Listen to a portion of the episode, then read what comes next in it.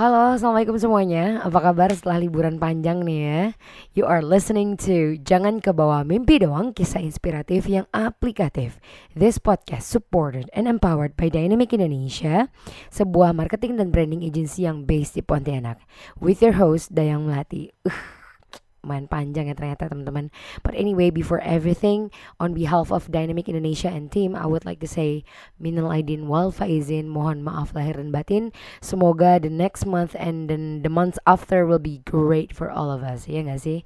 And you know what? To begin our podcast after very long holiday, kita punya lokal guest lagi nih, and I I can like really guarantee you that this guest is dope, you know, because he is so empowering, he is so insightful dan juga sangat humble.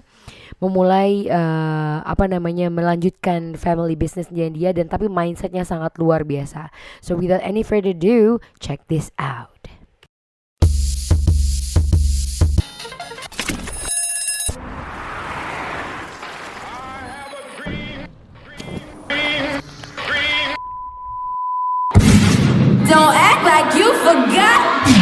You are listening to Jangan Kebawa Mimpi Dong, kisah inspiratif yang aplikatif.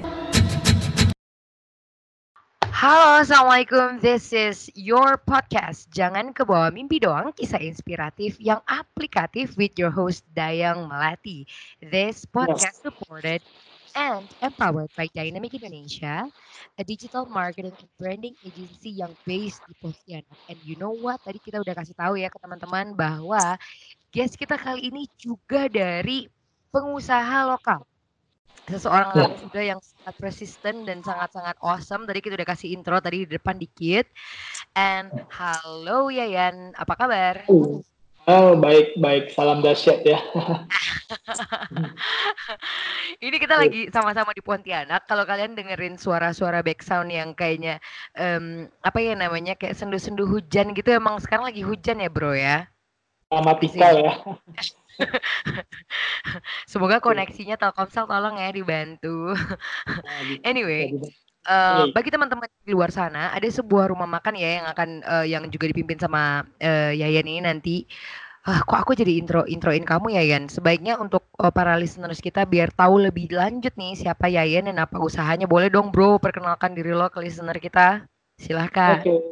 Halo malam semuanya para pendengar podcast uh, dengan judul Jangan Bawa Mimpi Doang ya. Bener ya oh, Dayang iya. ya? Oke. Okay. Oke, uh, perkenalin nama saya Yayan Hendro. Saya lulusan diploma 4 dari Business English and Management di Politong uh, Poltek di Pontianak juga. Uh, saya bergerak di bidang bisnis kuliner dan ada di finance juga. Dan uh, sekilas info dari kuliner kami itu dimulai dari tahun 1991. Itu dari ayah saya sendiri. Jadi kira-kira wow 27 ya, 27 28 lah ya. Wow, dari 1991. Iya, betul sekali dan ceritanya lumayan panjang.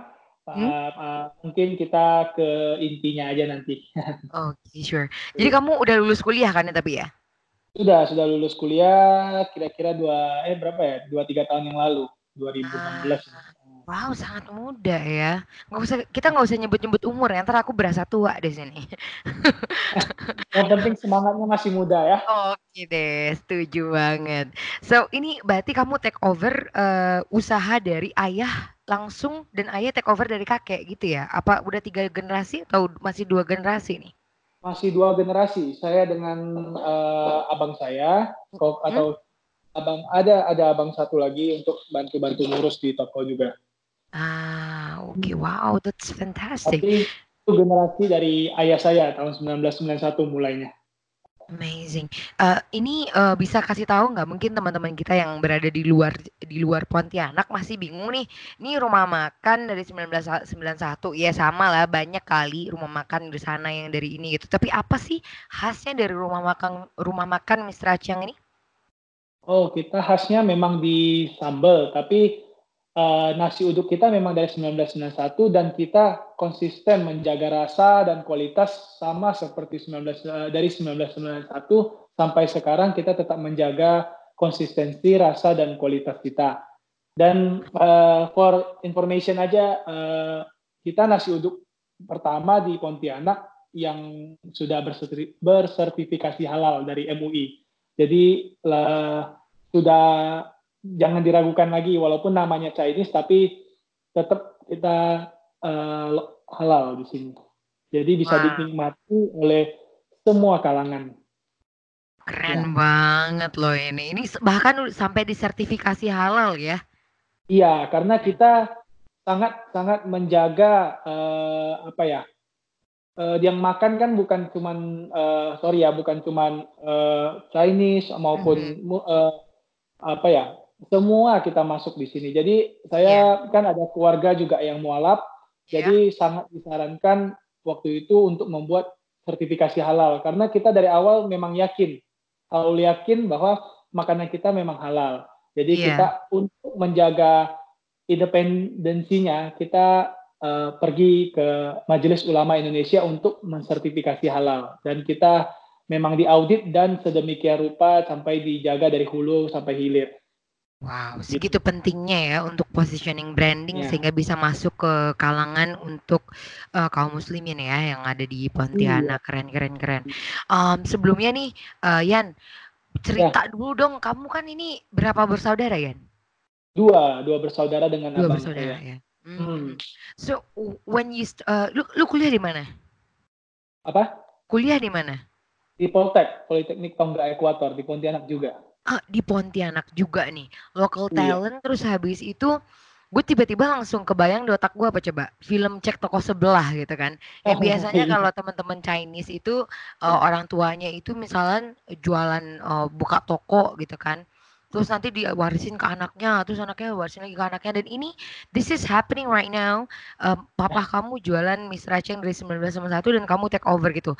Kalau di film itu kan mereka yang kayak oh nggak mau aku mau cari kerja aja gitu kan. Atau lagi kerjanya lagi dia udah kejar tem di kerja tempat lain terus gajinya gede terus harus dipanggil lagi ke sini. Kamu ada ada dilema dilema atau drama drama kayak gitu juga nggak bro uh, waktu itu sebenarnya lebih ke tekanan dari keluarga sendiri sih ya.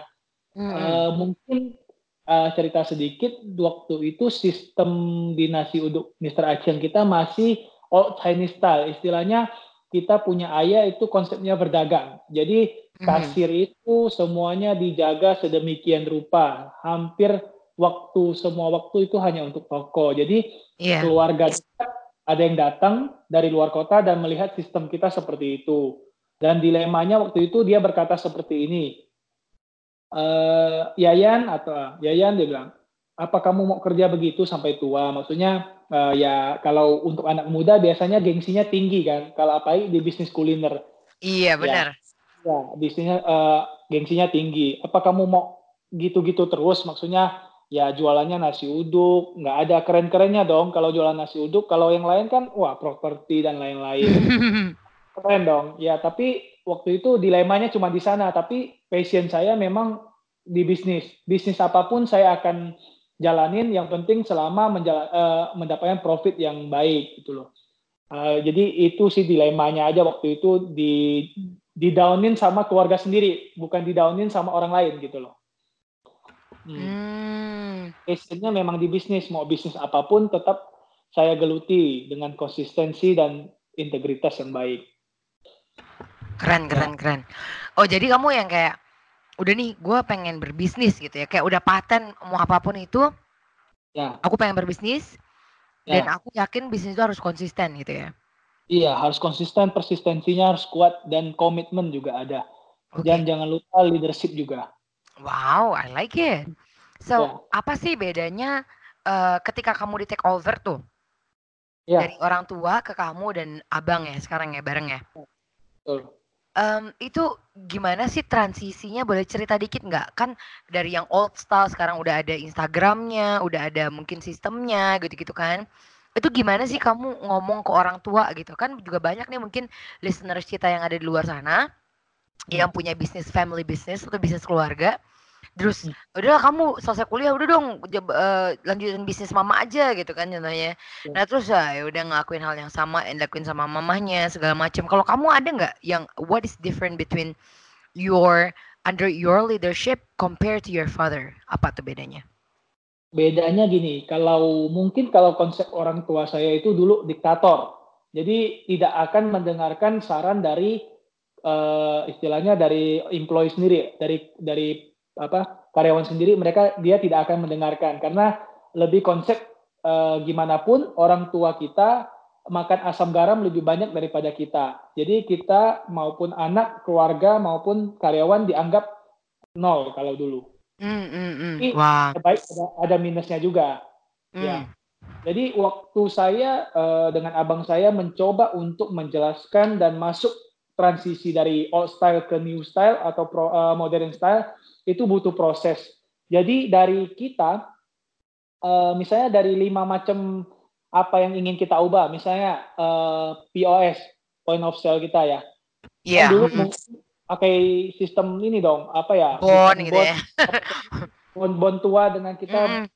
bergumul lah dengan bon bon tua tapi eh bon bon itulah yeah. tapi uh, kita pelan pelan ubah kita jelasin bahwa kalau uh, hasilnya kalau hasil all style sama yang baru gini loh lebih jelas lebih detail penjualan berapa stoknya berapa semua jelas terus kalau misalkan yang kedua masalah CCTV dulu hmm. per, da, masa transisi itu waktu pakai CCTV itu tetap yeah. orang tua kita tidak percaya, masih duduk dan berdiri di tempat yang dia seharusnya berdiri. Tapi kita jelasin bahwa apa fungsinya CCTV dengan baik. Dengan hmm. catatan untuk para listener, uh, kita sharing, saya sharing aja ya.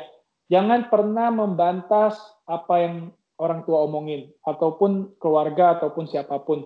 Tapi kita harus merangkul. Kalau kita ah balas atau kita uh, apa ya istilahnya melawan nggak ya. akan nggak akan dapat nggak akan nggak akan dapat ujungnya yang pasti adalah merangkul jadi old style dengan new style eh, modern style itu harus digabung jadi istilahnya dirangkul pasti ada plus minusnya untuk uh, modern style maupun old style jadi wow. semua dirangkum aja kalau ini poin uh, ini poin keren banget sih ya ini yang lu bilang karena kan yeah. kebanyakan anak muda langsung, gue gue tahu lebih banyak nggak katro sih. Mungkin ada perasaan kayak berontak kayak gitu ya.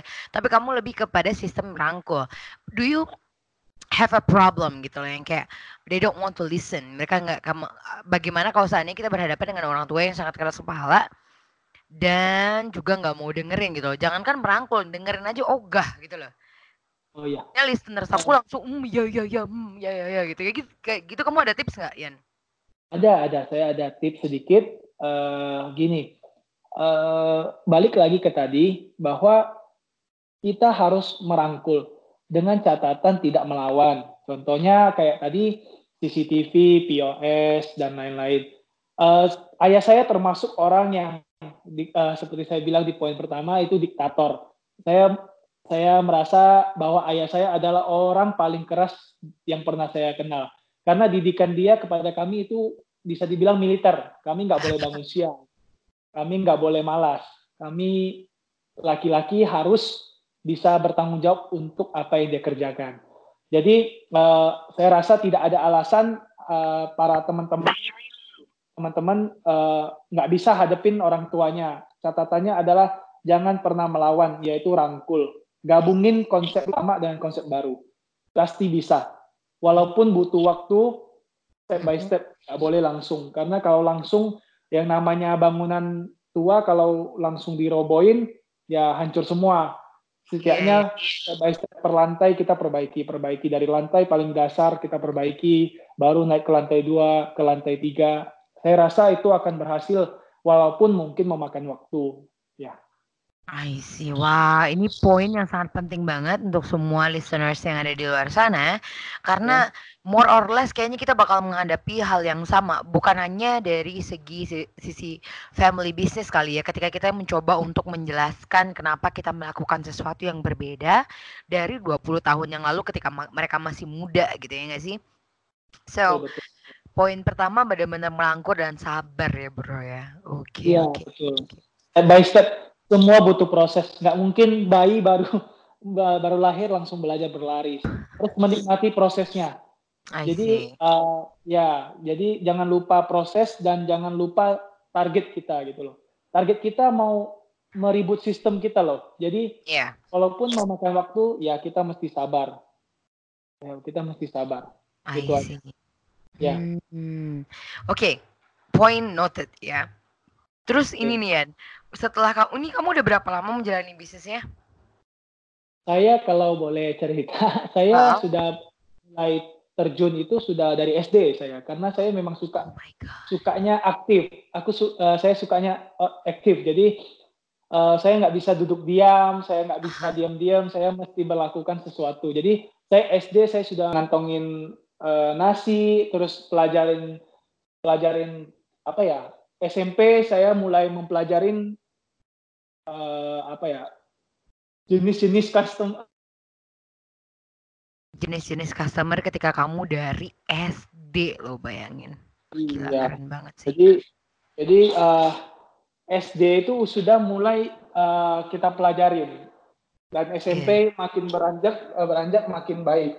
Jadi eh, banyak poin-poin yang bisa diambil dengan detail-detail yang kecil itu. Contohnya eh, konsumen itu bermacam-macam soalnya. Iya. Hmm. Kayak gimana tuh aku tertarik banget nih seorang anak yang dari SD sudah melihat sekali bagaimana proses ini. Ini hampir sama kayak ceritanya Gary V yang ngebantuin bapaknya jualan wine bisnis atau jualin jualin wine gitu dari kecil gitu. Nah, kalau dari kamu sendiri apa sih yang bisa kamu pelajari nih? Tadi kan kamu mention satu tentang mempelajari kategori para konsumen ya. Terus ada lagi nggak hal-hal yang kamu pelajari selama pengembangan proses pengembangan Mr. Aciang ini? Eh, banyak hal yang saya pelajarin. Iya. Eh, salah satunya adalah kesabaran menghadapi konsumen yang bermacam-macam. Mhm. Eh, memang dalam konsep berbisnis kita, bisnis apa pun, customer is the king. Memang benar. Iya. Tapi ada eh, beberapa hal yang memang misalkan contohnya ya. Misalkan customer kita ada 10 nih. Heeh. Ada satu yang ngomong A keasinan, ada yang satu ngomongnya coba banyakin A, banyakin yang ketiga ngomongin banyakin B. Kita nggak bisa ikutin semua. Memang konsep kita ada customer is the king. Iya. Tapi kita mesti balik lagi ke komitmen rasa dan kualitas kita. Kalau memang komitmen kualitas dan rasa kita adalah C, kita nggak bisa ikutin semua. Memang itu aja sih yang saya pelajari dari dulu sampai sekarang. Berarti Memang ada- fundamental fundamental bisnisnya emang udah harus kuat dulu kenapa rasanya Harus seperti kuat. ini kita udah tahu dulu gitu ya. Iya, iya. Jadi memang kita nggak bisa eh, kayak pepatah bilang kita nggak bisa memuaskan semua orang. Iya. So that must we must consistent with our uh, taste gitu. Hmm, oke. That's that's so cool man. Like seriously karena kadang-kadang kalau kita ngikutin semua kata orang itu nggak bakalan kelar sebenarnya ya. Jadi Iya, kamu jualan apa tuh gitu kan ya. Iya. Oke oke, that's that's really cool. Terus eh, berarti kamu belajar tentang bagaimana membedakan eh, membedakan pelanggan ya. Terus yang kedua, Iya. bagaimana kita harus berpegang teguh kepada fundamental bisnis kita. Iya. Eh, menurut kamu apa sih yang sekarang nih kan udah di take over sama kamu nih yang udah ada Ya. moderate style-nya. But Ya. how do you win the competition gitu loh? Kan kita tahu di Pontianak nih ada banyak ya. Ada beberapa nasi uduk gitu loh. But why you Iya. are but why you are better and bagaimana kamu berkompetisi dengan yang lain? Oke, yang pertama saya merasa kenapa merasa better dengan yang lain karena memang kita adalah salah satu nasi uduk yang bisa dibilang eh, terlama ya dari 1991 dari ayah saya. Terus kedua kita mampu menjaga konsisten dan rasa kita dari dulu sampai sekarang. Yang ketiga adalah eh, kita bisa apa ya namanya Hmm. customer yang loyal. Kita tetap Iya. ingat. eh, saya cerita sedikit bahwa ada customer yang dari belum pacaran sampai anaknya sudah menikah masih makan di tempat kita. Wow. Jadi, Iya, jadi kita karena konsisten rasa kita. Jadi anak eh, jadi konsumen akan selalu ingat. Bayangin ya kemarin banyak cerita dari ayah ayah saya sampai ke telinga saya juga sendiri. Eh, saya sembari tidak percaya. Tapi sampai ada anak kecil kalau dia bawa ke nasi uduk saya bawa ke rumah, Mhm. pas dibuka nasi uduknya mungkin ada kompetitor yang sama ya, yang mirip-mirip ya. Iya. Tapi pada saat dibuka dari dari wangi dan rasanya eh dari wanginya aja dia dia, dia udah tahu itu nasi uduk dari Mr. Aciang, bukan nasi eh bukan nasi uduk yang lain gitu loh. Jadi uh, saya benar-benar balik lagi menghadapi kompetitor tidak perlu menjelek-jelekkan kompetitor yang penting hmm. konsisten pada rasa kita kualitas dan komitmen kita dan satu lagi harga kita juga berkompetitif gitu loh jadi tidak sembarangan walaupun kita paling lama kita enggak enggak ini enggak naikin harga sembarangan loh sesuai yeah. kita dengan sesuai mm. jadi poin-poinnya adalah konsisten komitmen mm-hmm. kualitas dan uh, kita tetap uh, apa ya konsisten dengan customer loyal kita lah jadi kita tetap kalau misalnya customer loyal datang kayak udah lama kita tetap bonusin sayap chicken wing bonusin minuman wow. terus kita kasih kasih uh, cucunya mungkin anaknya kita kasih susu uh, apa ya kayak susu kotak gratis dan lain-lain gitu loh. Kita tetap yeah. menjaga relation kita ke konsumen itu penting juga. Mm, jadi konsumen ya konsumen merasa dihargai gitu loh um, human touch-nya walaupun ini aku bangga sekali ya dengan dengan yeah. Yayan ini dan juga tim yeah. karena kebanyakan orang ngerasa yang kayak udah oh ini sistemnya udah modern jadi nggak usah lagi tuh ada yang namanya um, apa namanya greetings ataupun pengenalan dengan konsumen tapi sekarang ini malah human touch-nya kayak benar-benar udah kerasa waktu kamu ke ke outletnya gitu ya iya, itu betul. menjadi satu nilai tambah benar-benar ya edit value yang saya menurut saya salah satu komponen yang penting untuk menjaga uh, kelangsungan bisnis kita. Wow. Di bisnis apa pun kita tetap harus human touch yang seperti kamu bilang, relation kita harus tetap yeah. baik. Mm-hmm. Nah, gitu loh. That's fantastic. Nah, yeah. kamu sebagai seorang bisnis uh, businessman sekarang, how do you learn? How do you keep yourself growing gitu? Gimana kamu uh, tetap belajar dan bertumbuh? Apa sih kebiasaan-kebiasaan kamu bisa sharing nggak sama kita? Kebiasaan-kebiasaan saya ya. Mm-hmm. Uh, saya memang kalau sekarang zamannya kalau zaman saya dulu memang banyak kan ikut workshop, jadi ikut ikut hmm. ikut seminar yang membangun. Contohnya seminar motivasi, seminar uh, tentang bisnis. Terus salah satu hal yang paling penting yang bisa saya sharing ke teman-teman, walaupun teman-teman sudah punya bisnis sendiri, mm-hmm. bisnis dari orang tua, jangan pernah mm-hmm. lupakan kuliah atau belajar terus, karena di kuliah eh, atau oke okay, di mana pun di kuliah maupun belajar bahasa dan lain-lain itu sangat-sangatlah penting karena di sana kita mempelajari hal-hal yang kita tidak dapat di hmm. bisnis eh, di bisnis contohnya eh, relasi antar eh, teman yeah, kita betul. bagaimana kita eh, bagaimana kita bersosialisasi di dalam masyarakat gitu loh kita hmm. berteman seperti apa terus seperti saya kemarin kalau saya di toko di outlet ada yang saya tidak mengerti, saya bisa sharing ke teman-teman saya sekampus ataupun saya sharing ke dosen saya gitu loh. Jadi jangan hmm. merasa uh, pendidikan itu tidak penting. Gimana pun kita harus tetap terus belajar dan belajar. Uh, yang kedua, saya uh, sekarang kan dulu zamannya seminar-seminar tuh ikut workshop dan lain-lain. Sekarang nggak perlu pusing-pusing lagi. Sekarang YouTube kita tinggal pelajarin aja. Betul. Jadi terus terus belajar belajar yang video-video motivasi, video-video tentang membangun pribadi, membangun bisnis, gimana uh, pokoknya video-video yang membangun lah. Dan jangan lupa membaca buku. Walaupun ya saya termasuk pribadi yang sangat-sangat susah untuk membaca buku. Kalau saya susah tidur, saya tinggal baca buku. tapi usaha, ya, tapi tinggal, uh, tapi kita bisa tingkatin satu mungkin step by step seperti yang saya bilang tadi mungkin 10 hmm. halaman satu hari paksain lima halaman yeah. per hari kita paksain ya lama-lama mungkin itu menjadi manner jadi habits gitu loh jadi kalau nggak baca nggak tahan gitu loh yeah. wow this is This is so fantastic. I hope all of the listeners out there, semua orang yang mendengarkan ini bisa belajar ya dari Yayan gimana sebenarnya habit itu menentukan segalanya gitu. Dan dari yeah. semua orang yang gue interview nih bro, dari yang CEO sampai yang CAO yang apalah itu namanya, they always yeah. tell kayak keep learning, keep iya. belajar, yeah. keep bertanya. Dan kita juga melihat dari seorang Yayan gitu loh yang take walaupun cuma men-take over bisnis orang tuanya, tapi emang kita tuh perlu bertumbuh gitu gitu. Iya, Keren banget sih, Bro. Gue suka banget. Sharing-sharing dong. Kalau biasanya lu kalau di YouTube uh, nonton apa, Bro? Kali aja teman-teman yang dengerin pengen pengen tahu juga nih. Ya, salah satunya kayak saya kan memang dari dulu sukanya ya yang berbau motivasi, hmm. uh, self improvement gitu. Saya iya. biasa lihatnya Tung Semua Ringin. Ah. Kalau saya ya Tung Semua Ringin salah satu pengajar terbaik di ya di Indonesia bisa dibilang. Hmm. Ya itu saya Udah subscribe. Udah seminarnya belum? Belum pernah, tapi saya memang kadang kalau keluar kota saya banyakin eh banyakan memang saya trip biasanya. Jadi kalau hmm. keluar kota, saya memang rencana ke depannya akan ikut seminar Tungga Ringin. Tapi kalau ikut seminar berjalan di atas api, saya sudah pernah dari dosen saya. Jadi yeah. dia murid langsung dari Tunggesem gitu loh. Ya. Hmm. Oke. Okay.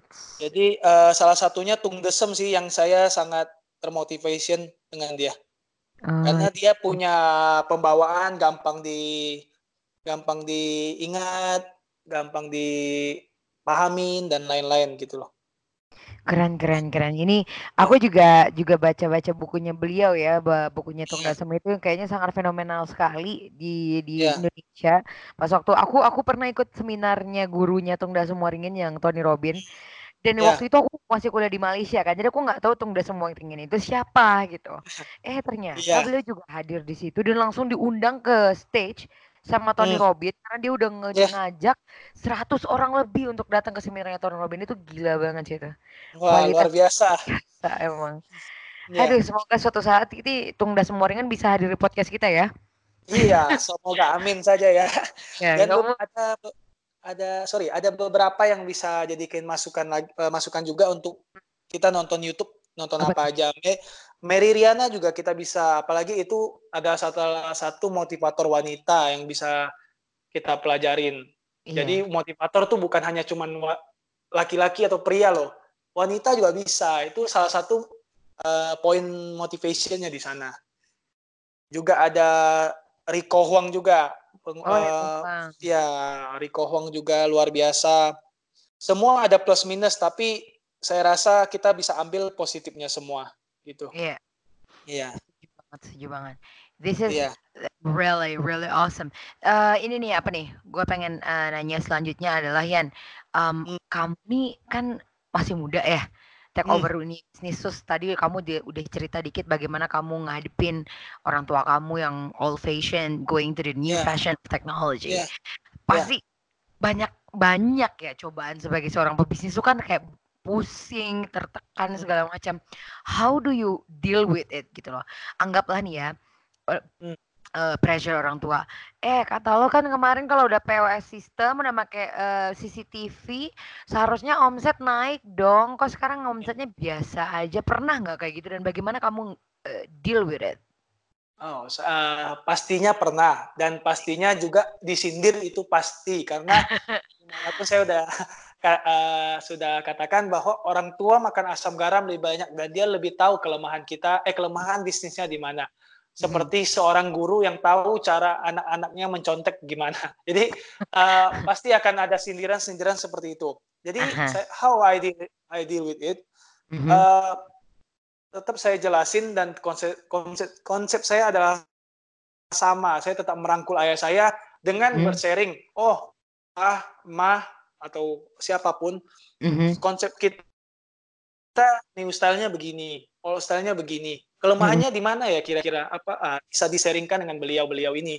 Gimanapun mm-hmm. kita anak muda harus tetap mendengarkan beliau-beliau ini karena mm-hmm. mereka asam garamnya banyak. Jadi kita sharing dengan mereka.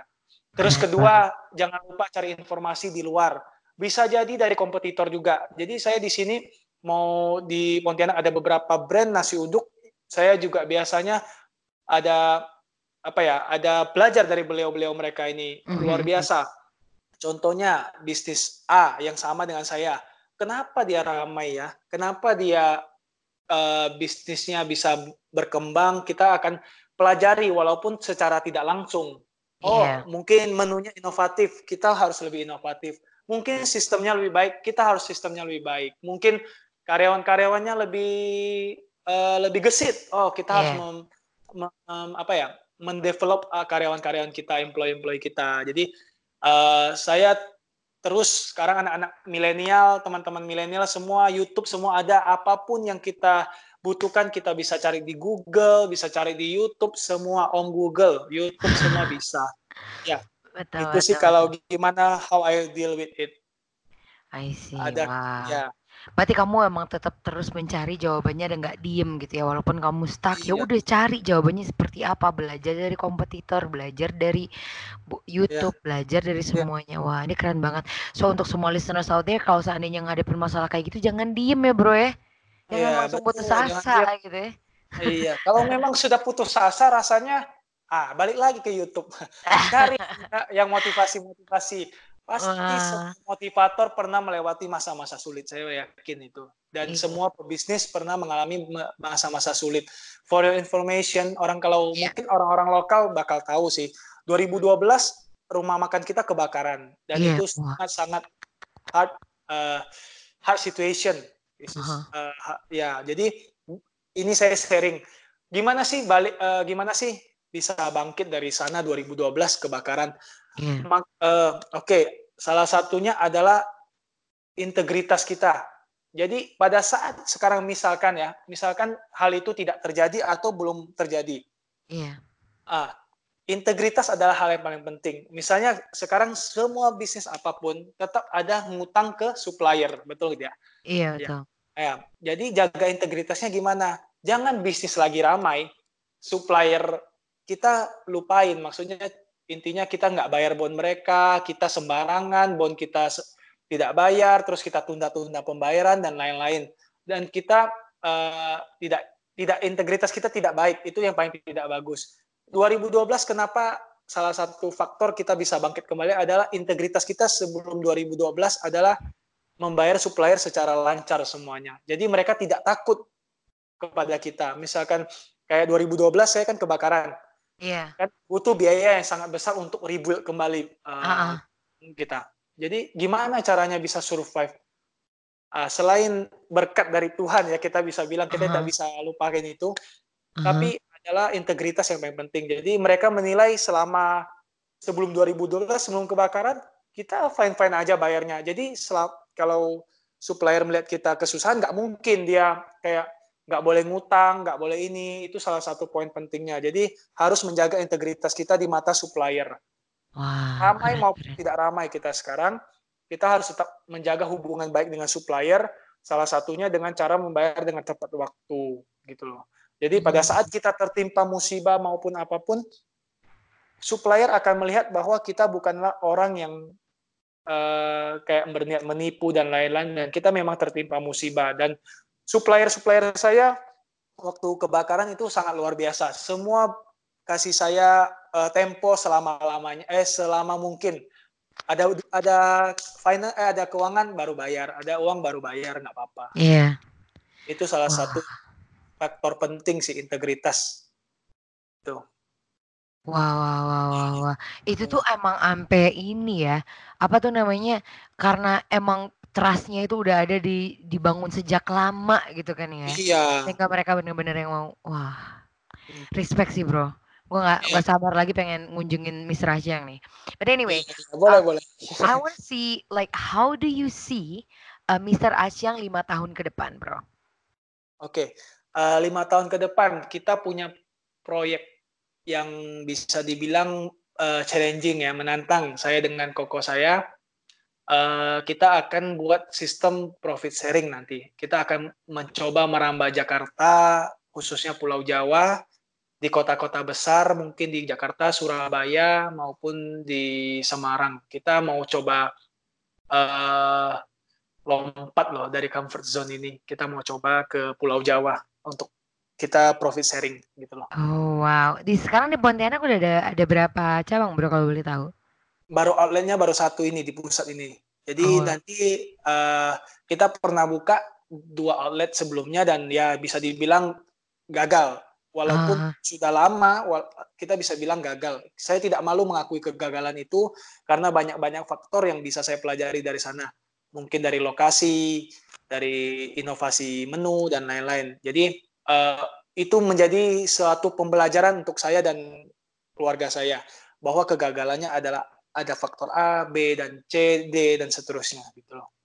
Jadi itu akan kita kita, kita akan pelajarin dan untuk mungkin itu adalah salah satu proses kita menjadi lebih baik dan untuk untuk terjun ke Jawa nanti kita sudah ada modal yang lebih baik gitu. Oh my yeah. god, this is so yeah. amazing. Um, bagi seorang anak muda ya yang bisa bisa ngomong kayak gitu di depan publik di depan podcast itu menurut aku luar biasa banget loh. Ada loh pebisnis yang kayak um, kita sih udah tiga cabang gitu ya, tapi ternyata nggak work out. Tapi kamu dengan bangganya bilang, iya gue pernah gagal. Sebenarnya iya. gagal itu bukanlah sesuatu hal yang harus kita perma yang harus kita sembunyikan atau kita malu atas hal ya, itu gitu ya, kan ya. Ya betul. Karena itu ada pelajaran nah, yang berharga. Wah. Banyak pelajaran yang berharga. Saya akuin memang ada kesalahan beberapa faktor yang membuat kita belum siap untuk mempunyai beberapa outlet dan kita belajar dari kompetitor kita yang memang mantap dalam sistem, mantap dalam hmm. development innovation menu juga. Jadi kita pelajarin oh di mana kesalahan kita dulu gitu loh. Wow. Ya. Suka banget sih mental lu bro, gila gue harus ketemu lu sih, harus ngopi-ngopi gitu kayaknya nih. Boleh, boleh, ngopi banyak tempat ngopi. Aduh, bener banget, bener ya. banget. Ya. Anyway, this is yeah. so hmm. amazing. Gue yeah. banyak ba banyak dapat inspirasi banget dari lo dan I believe so. My listeners are so excited uh, to hear your, you know, like is yeah. there any message yang pengen lo sampaikan sebelum the end uh, dari podcast kita malam ini? Oke, okay, uh, ada beberapa hal yang saya mau uh, sharing. Saya di sini tidak maksud menggurui teman-teman. Mungkin banyak teman-teman yang luar biasa, yang lebih hebat dari saya saya cuman uh, ya mungkin pernah mengalami proses yang menjadikan saya seperti ini. Tapi ada beberapa hal yang untuk teman-teman saya mau sharing. Salah satunya adalah mungkin sekarang teman-teman lagi kerja. Saya juga pernah magang. Saya juga pernah ya bantu-bantu uh, teman punya usaha. Di mana pun teman-teman sekarang berada kerja sama orang maupun punya bisnis sendiri do your best bro. Do your do your best itu yang bisa saya kasih tahu bahwa tidak ada yang kebetulan. Salah satunya jika Anda melakukan yang terbaik, Anda akan mendapatkan yang terbaik juga. Saya yakin hanya masalah waktu dan usaha kita. Jangan lupa berdoa, tetap konsisten dalam pekerjaan kita. Oke, itu aja, bro. Eh, ah, itu aja ada yang yeah. This is so fantastic. Oh my gosh, I can't wait to to meet you in person gitu kan yeah. ngobrol. Yeah. Anyway, yeah. that's uh, that's the end of our podcast today. Uh, terima yeah. kasih banget ya Yayan. Salam yeah. untuk mama papanya dan juga babang abangnya di sana. Yeah. Um, see you guys soon. Oke, okay, see. Dan nanti ada, uh, huh? ya bisa nanti diatur schedule-nya. bisa ngopi, bisa makan di tempat saya juga boleh. Oh, Ajak okay. teman tim, kita foto yeah. bareng with Dynamic okay. Indonesia. Iyo, iyo, it's masih kayaknya. Thank you so much, yeah. Yayan. This yeah. is your podcast. Jangan yeah. ke bawah mimpi doang, kisah inspiratif yang aplikatif. Sampai jumpa lagi di episode berikutnya. Assalamualaikum, bye.